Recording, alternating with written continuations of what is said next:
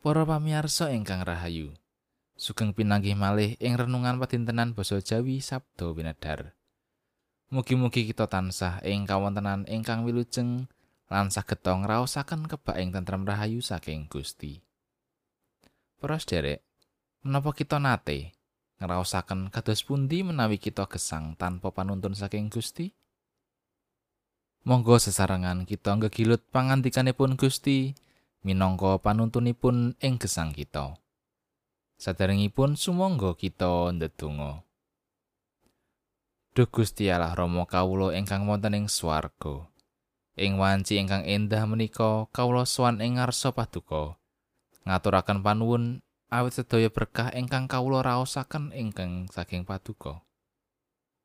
Nanging anggenipun kawula nampi berkah menika, Kawula taksih asring dereng saged nglampahi dawuh paduka minangka lantaraning berkah dhateng sesami kawula.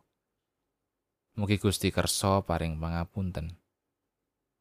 Samenika kawula badhe ngegilut sabda pangandika paduka, mugi Gusti ngiyataken lan nyagetaken kawula ngecakaken pangandika paduka menika ing satengahing brayat lan sesami kawula.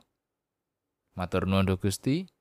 Pandonga ingkang boten sampurna menika kawula aturaken lambaran asmanipun Gusti kawula ingkang Maha Suci, Gusti Yesus Kristus. Amin.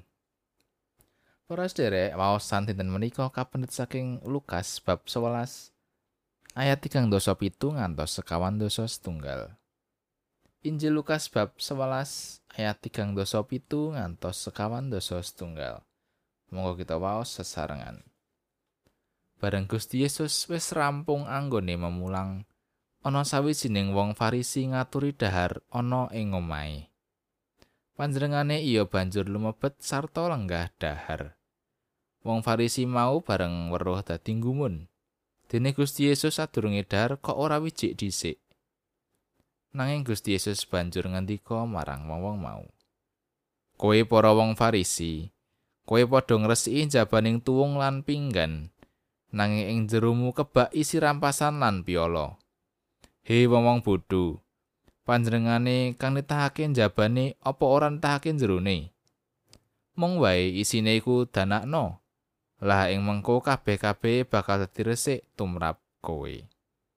Makatan pangandikanipun Gusti ayat nat sing menika ayat 3 dosa songo.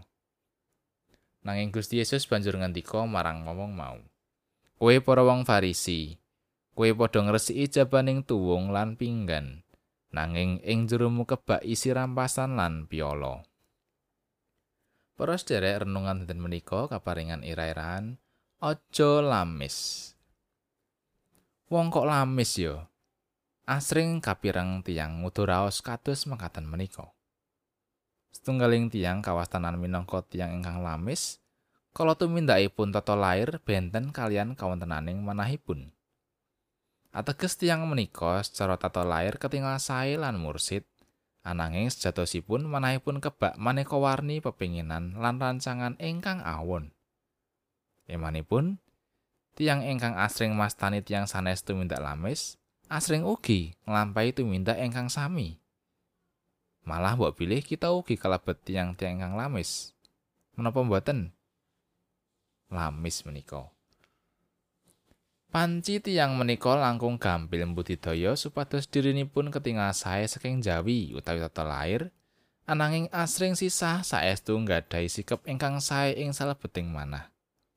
Tuladanipun secara tata lair saged kemawon wonten tiyang kalih ingkang sakawit sami memangsahan, samenika sampun sami purun pinanggih, sami jawat asta lan gumujeng sesarangan.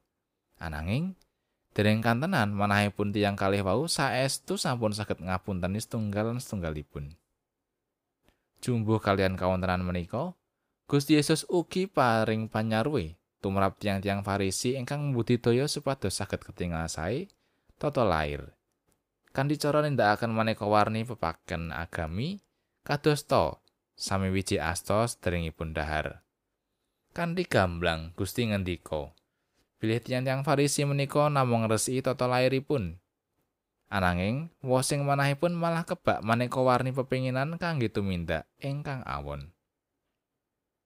Boten ateges tiyang boten perlu nggadahi tata lair ingkang sae.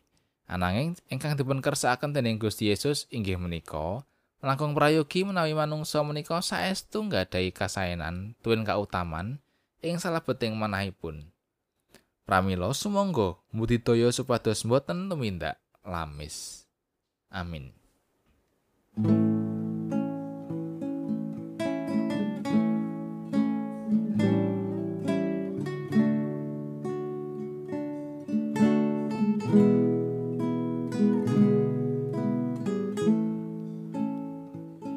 Rayu wong wetiase mring pangeran Yehuwa. Rameng gawe sepi pamre. Kasang sam sabteng Allah